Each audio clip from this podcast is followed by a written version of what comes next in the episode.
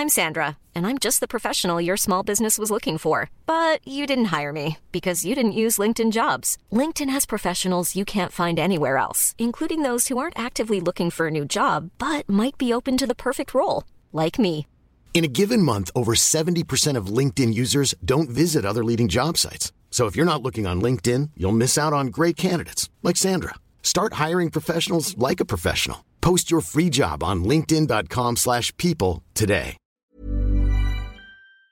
Hey, how you doing? Heel hartelijk welkom bij Julia. Okay, meet me at the bar in 15 minutes and suit up. 이 자리에 오신 여러분을 진심으로 환영합니다. Listen to what Mr. Shelby has to say.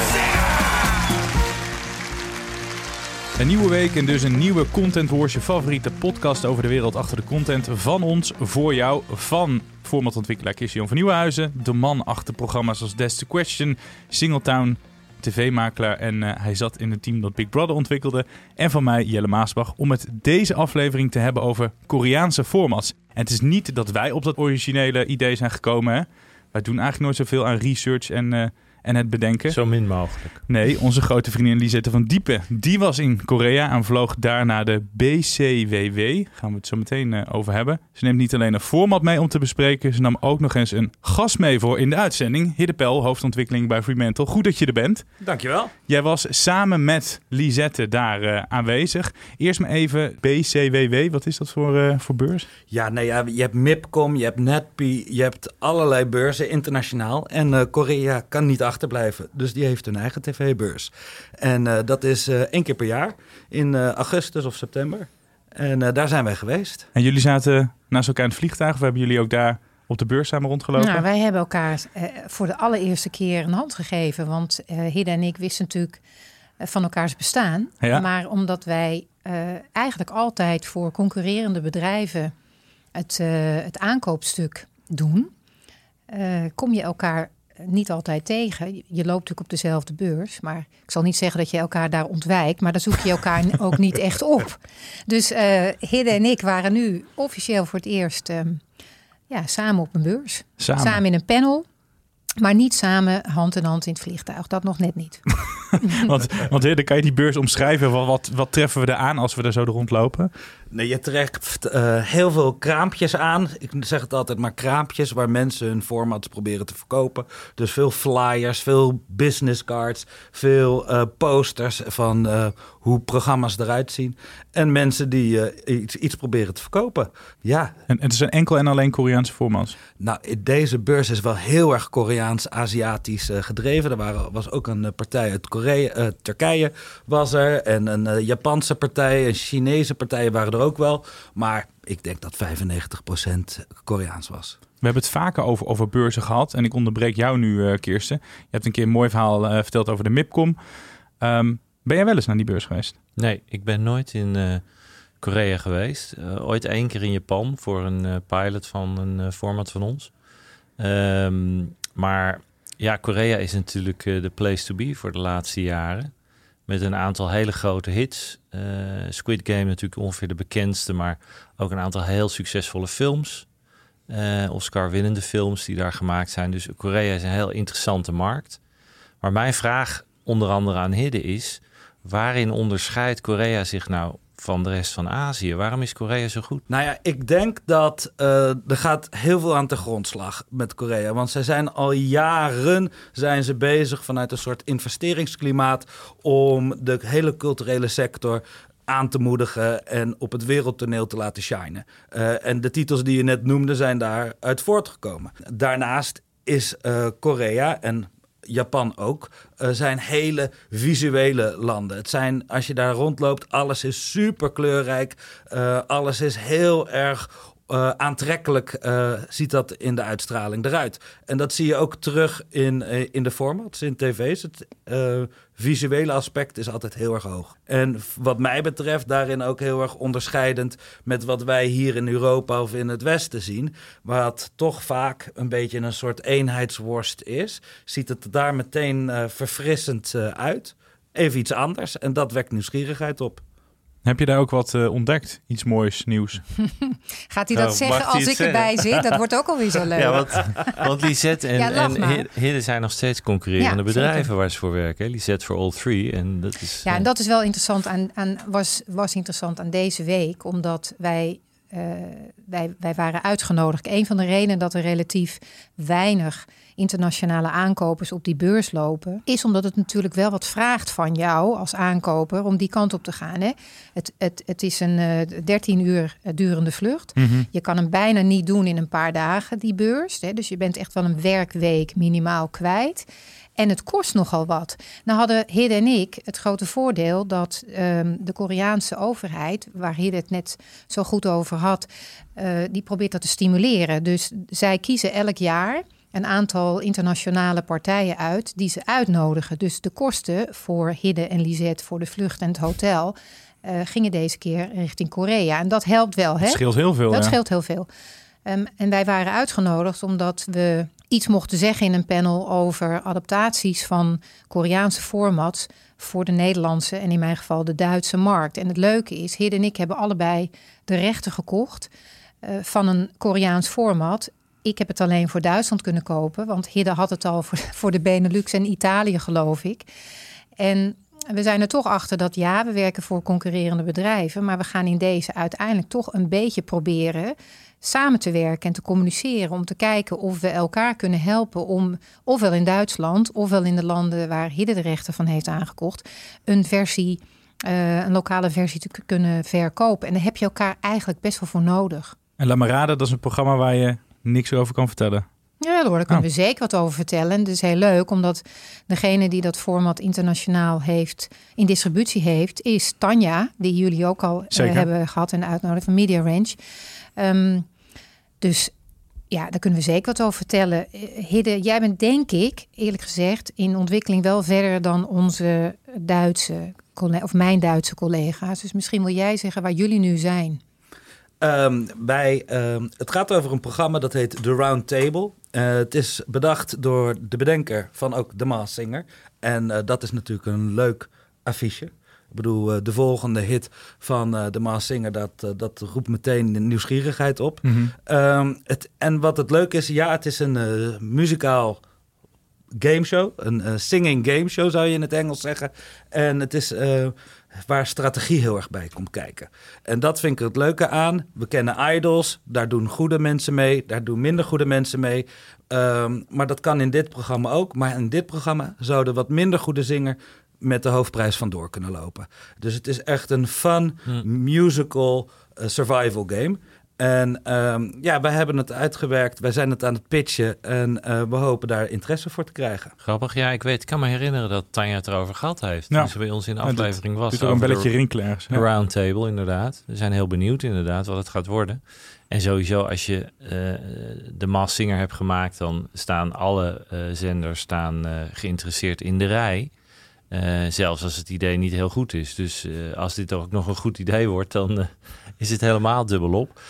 Ik ben heel benieuwd wat het wordt. Ik vind het wel heel leuk dat er een, een, een zangcompetitie waar een soort van strategie in zit. Dat vind mm -hmm. ik mhm. wel een leuke insteek. Uh, toen uh, Tanja het uitlegde, begreep ik het nog niet helemaal. Nu nog steeds. Als je maar... naar de originele trailer kijkt, begrijp je er ook heel weinig van, ja, is mijn uh, mening. Ja. nou ja, goed, kijk, dus, dus in die zin is het heel goed dat de Nederlandse creatieven hieraan gaan werken. Het gebeurt veel vaker dat er Aziatische formats hier naartoe komen waar werkelijk helemaal niks van klopt. En waar wij niks van begrijpen in het Westen. En vervolgens, als wij er dan naar gaan kijken en het gaan veranderen uh, eventjes schouderklopjes op de uh, Nederlandse creatieven, dan wordt het vaak nog wel wat. Um, dus ik hoop dat dat in dit geval ook, uh, ook gebeurt. Nog even heel even terug naar wat jij, wat jij aangaf, Hidde, over de, de stimulans vanuit Korea. Ik breek natuurlijk voortdurend een lans om dat Nederland ook wat meer eraan gaat doen. Netflix bijvoorbeeld heeft, ik meen voor dit jaar of voor volgend jaar, een half miljard dollar geïnvesteerd in Korea. Dat je even weet wat voor geld daarin gaat. Ja, elke maand uh, bestellen zij drie scripted series en één unscripted. Dat is wat Koreaan nu staat. Ja, dus je kan je voorstellen wat een geld daarin gepompt wordt in die creatieve sector. En eh, Nederland zou daar toch eens naar moeten kijken, weet je. Laat Nederland nou ook eens dit soort initiatieven gaan nemen en gewoon eh, financiële belastingvoordelen gaan doen voor partijen die hier gaan investeren. Want dit, de, het laatste wat ze hebben besloten, dat dan, eh, ik meen 5% in Nederlandse creativiteit gestoken moet worden door streamers, is totale godspe en slaat helemaal nergens op. Is een leuk beginnetje. Maar ze moeten gewoon veel meer doen. En dan zie je hoeveel geld er terugkomt vanuit internationaal naar zo'n land. En wat het betekent voor zo'n sector die daar gigantische voordelen van heeft. Nou, dat nog eventjes over eh, dat de Nederlandse overheid. Pieter Omzicht, hè, die nu eh, aan de gang gaat, waarschijnlijk groot, die moet er ook eens aan gaan denken. Heren, nog even naar, naar de beurs. Eh, zijn er nieuwe genres of nieuwe hele gekke programma's die je ontdekt hebt? Of is het een beetje allemaal nog steeds van hetzelfde daar eh, in Korea? Kijk, eh, in Korea hebben we heel veel verschillende dingen gezien. En ik denk dat iedereen probeert een beetje uit het eh, in, daarin te blijven. Dus heel veel is muziek, heel veel is guessing game. Ehm, dus dat blijf je terugzien. En ik denk ook dat er in de tussentijd ook wel een beetje een eh, vermoeidheid is op het domein van guessing games. Dus dat ze daar eigenlijk een beetje mee moeten oppassen.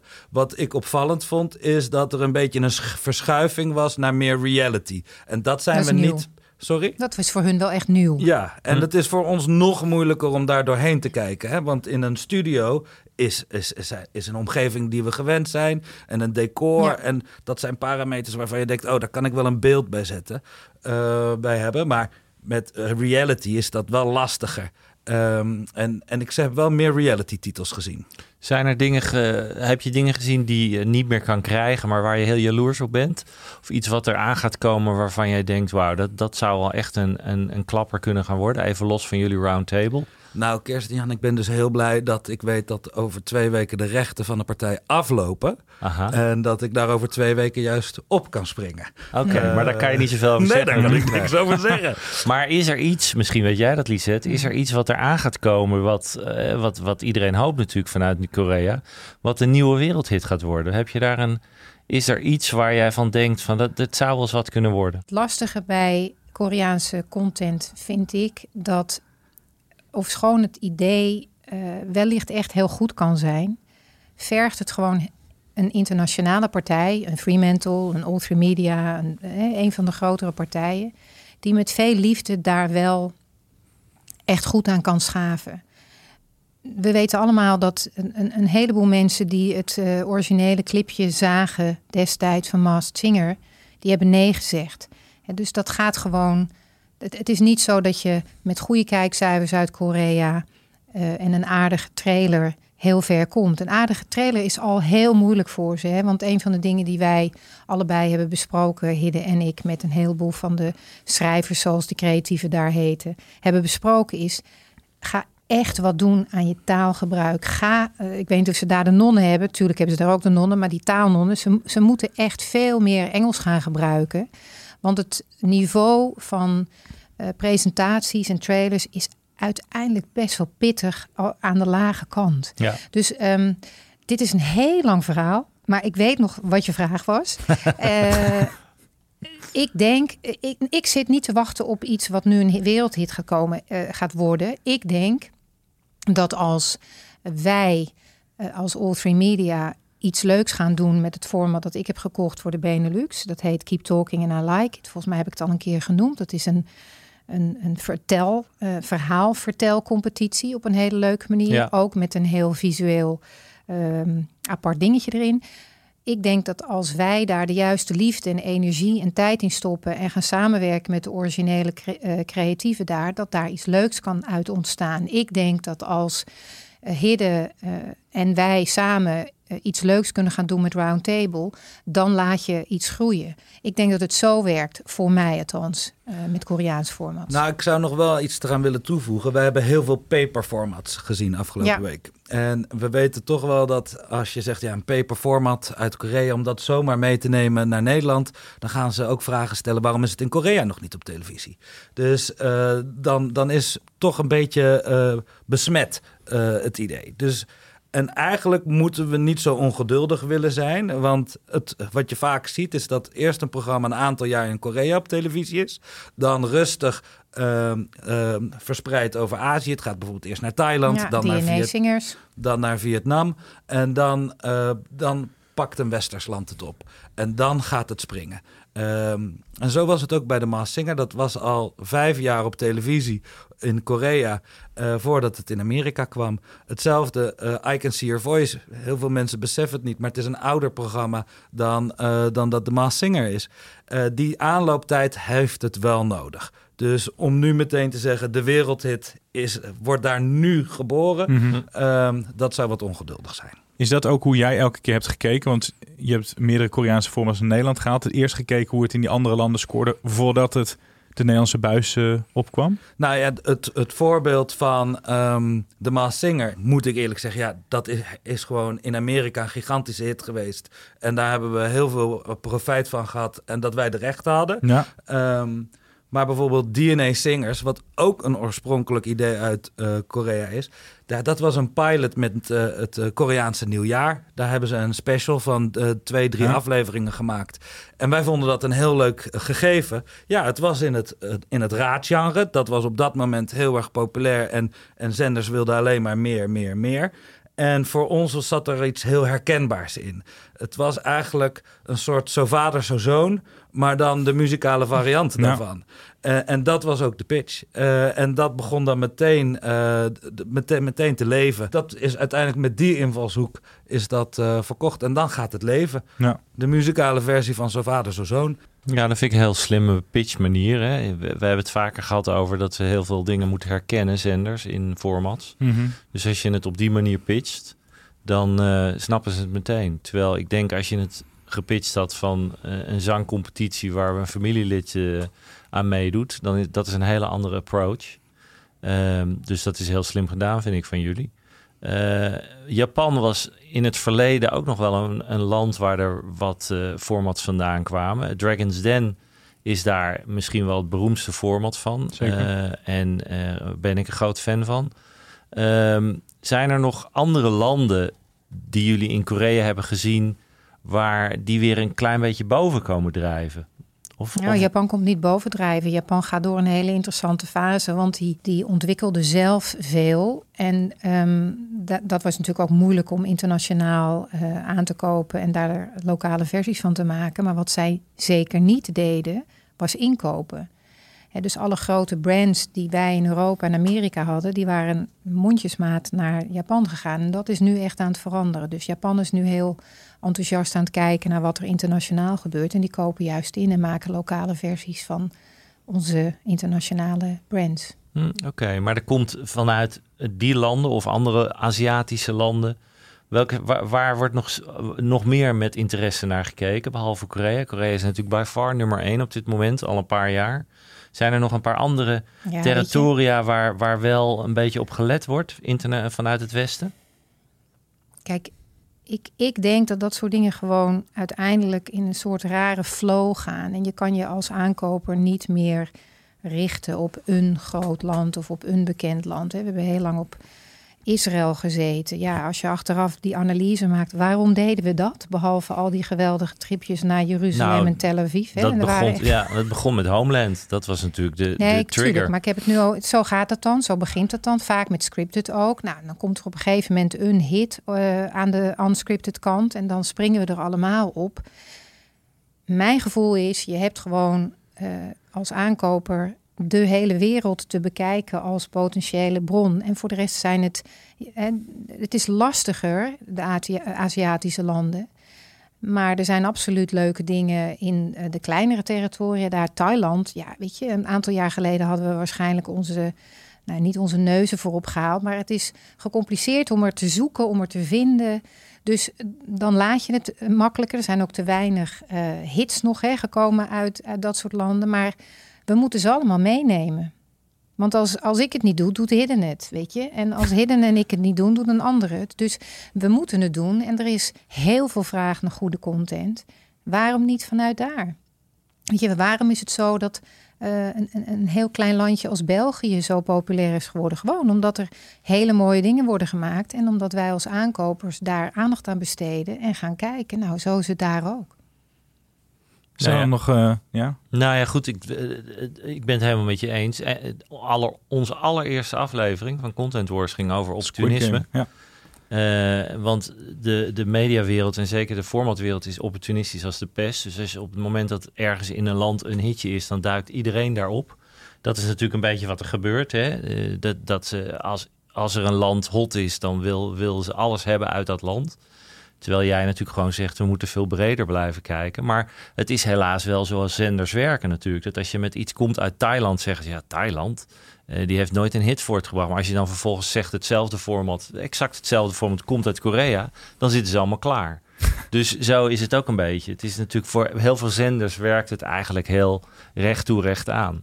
Ja, een paar jaar geleden was dat nog niet zo. Dan was het, kostte het heel veel moeite om eh, zenders anderhalf uur in het Koreaans een, Hmm. eh, een tape voor te zetten. Ja. Eh, als het Engelstalig is, gaat het al zoveel makkelijker. Want je ziet mensen die je misschien zou kunnen kennen, de taal beheers je. Dus dan is het gewoon een veel makkelijkere opgave.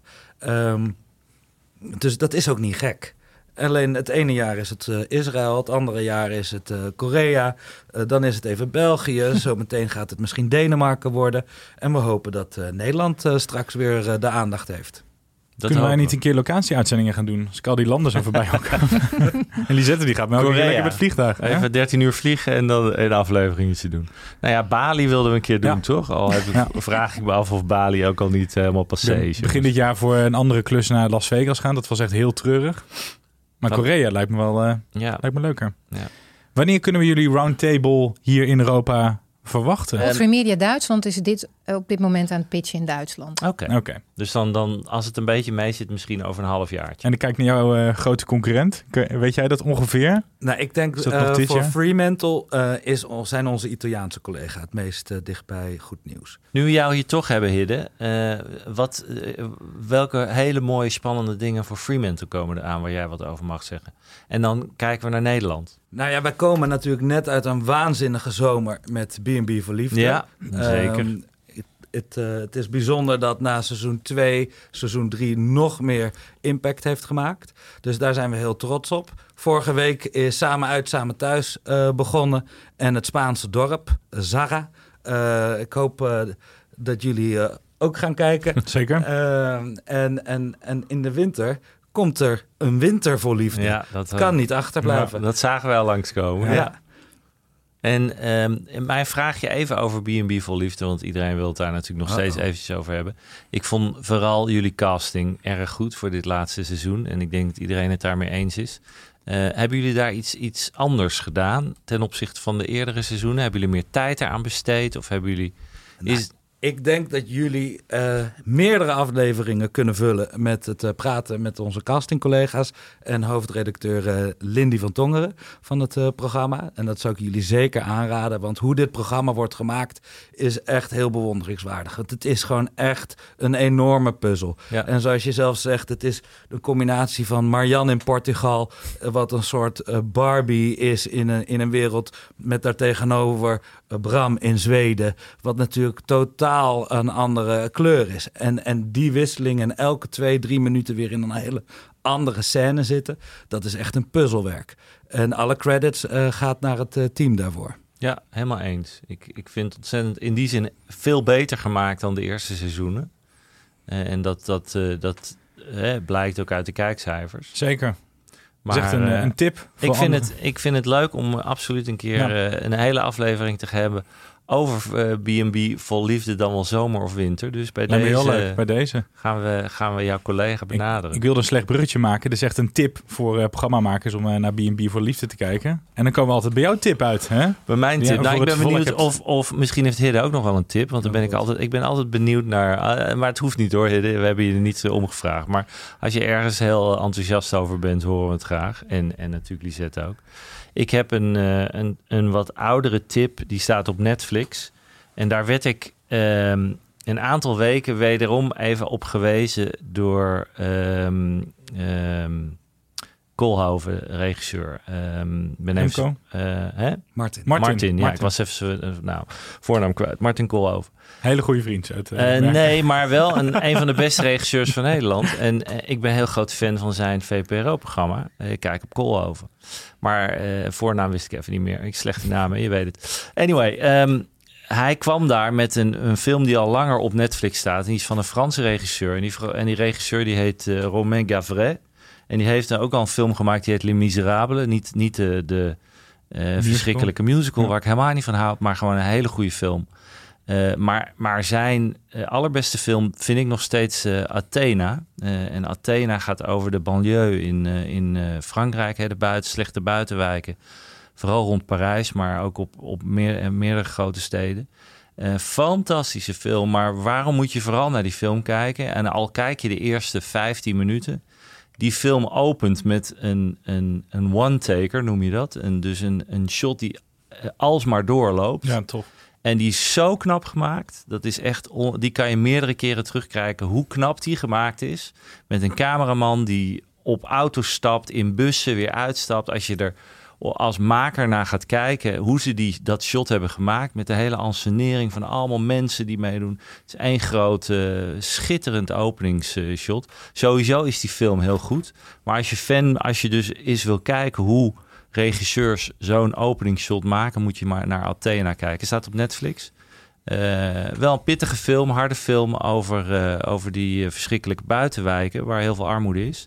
Eh, maar kijk naar die, dat, die one-take, dat openingsshot. Super, Mooi. ja. Gaan we doen. Athena. Dankjewel. Nee, Ik vind het altijd leuk om. ik- wij zijn unscripted eh, mensen. Dus ehm, ik, ik ben helemaal met je eens. Fantastische film die je noemt.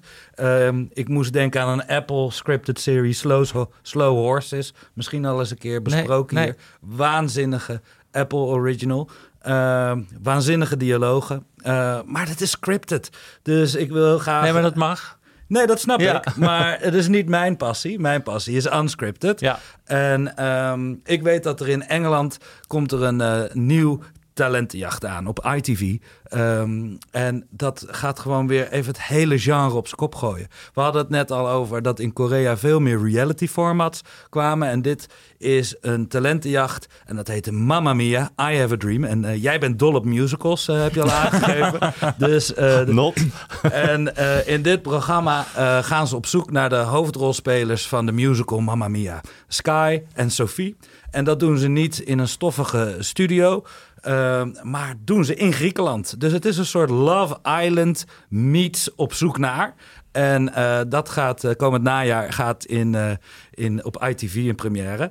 En ik heb al wat beelden gezien en het is spectaculair. En het is echt gewoon even binnen het talentshow genre even een hele andere richting. En, en dat, dat vind ik een hele gewaagde keuze. En ik verwacht dat daar nog veel meer versies van gaan komen in, ehm, in wereldwijd. Wat leuk. Nou, dus mooi. een talentenjacht op locatie. Dat is wel eens wat anders, ja. Nou, mooi. Ja. Ben ik blij dat je niet eh, onderbroken hebt. Hier de pijl, hoofdontwikkeling bij Fremantle en Lisette van Diepen. Ja, ik had het al gezegd, uh, aankoopmaaknaam. Maar natuurlijk ook de drijvende kracht inmiddels Ja. achter deze podcast. Volgende week zijn we er weer.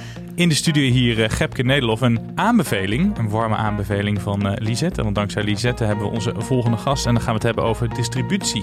Ja, en over België vooral ook. Ah, heel Heel mooi, Ja, eindelijk. Ja. Dus ik zou zeggen, tot volgende week.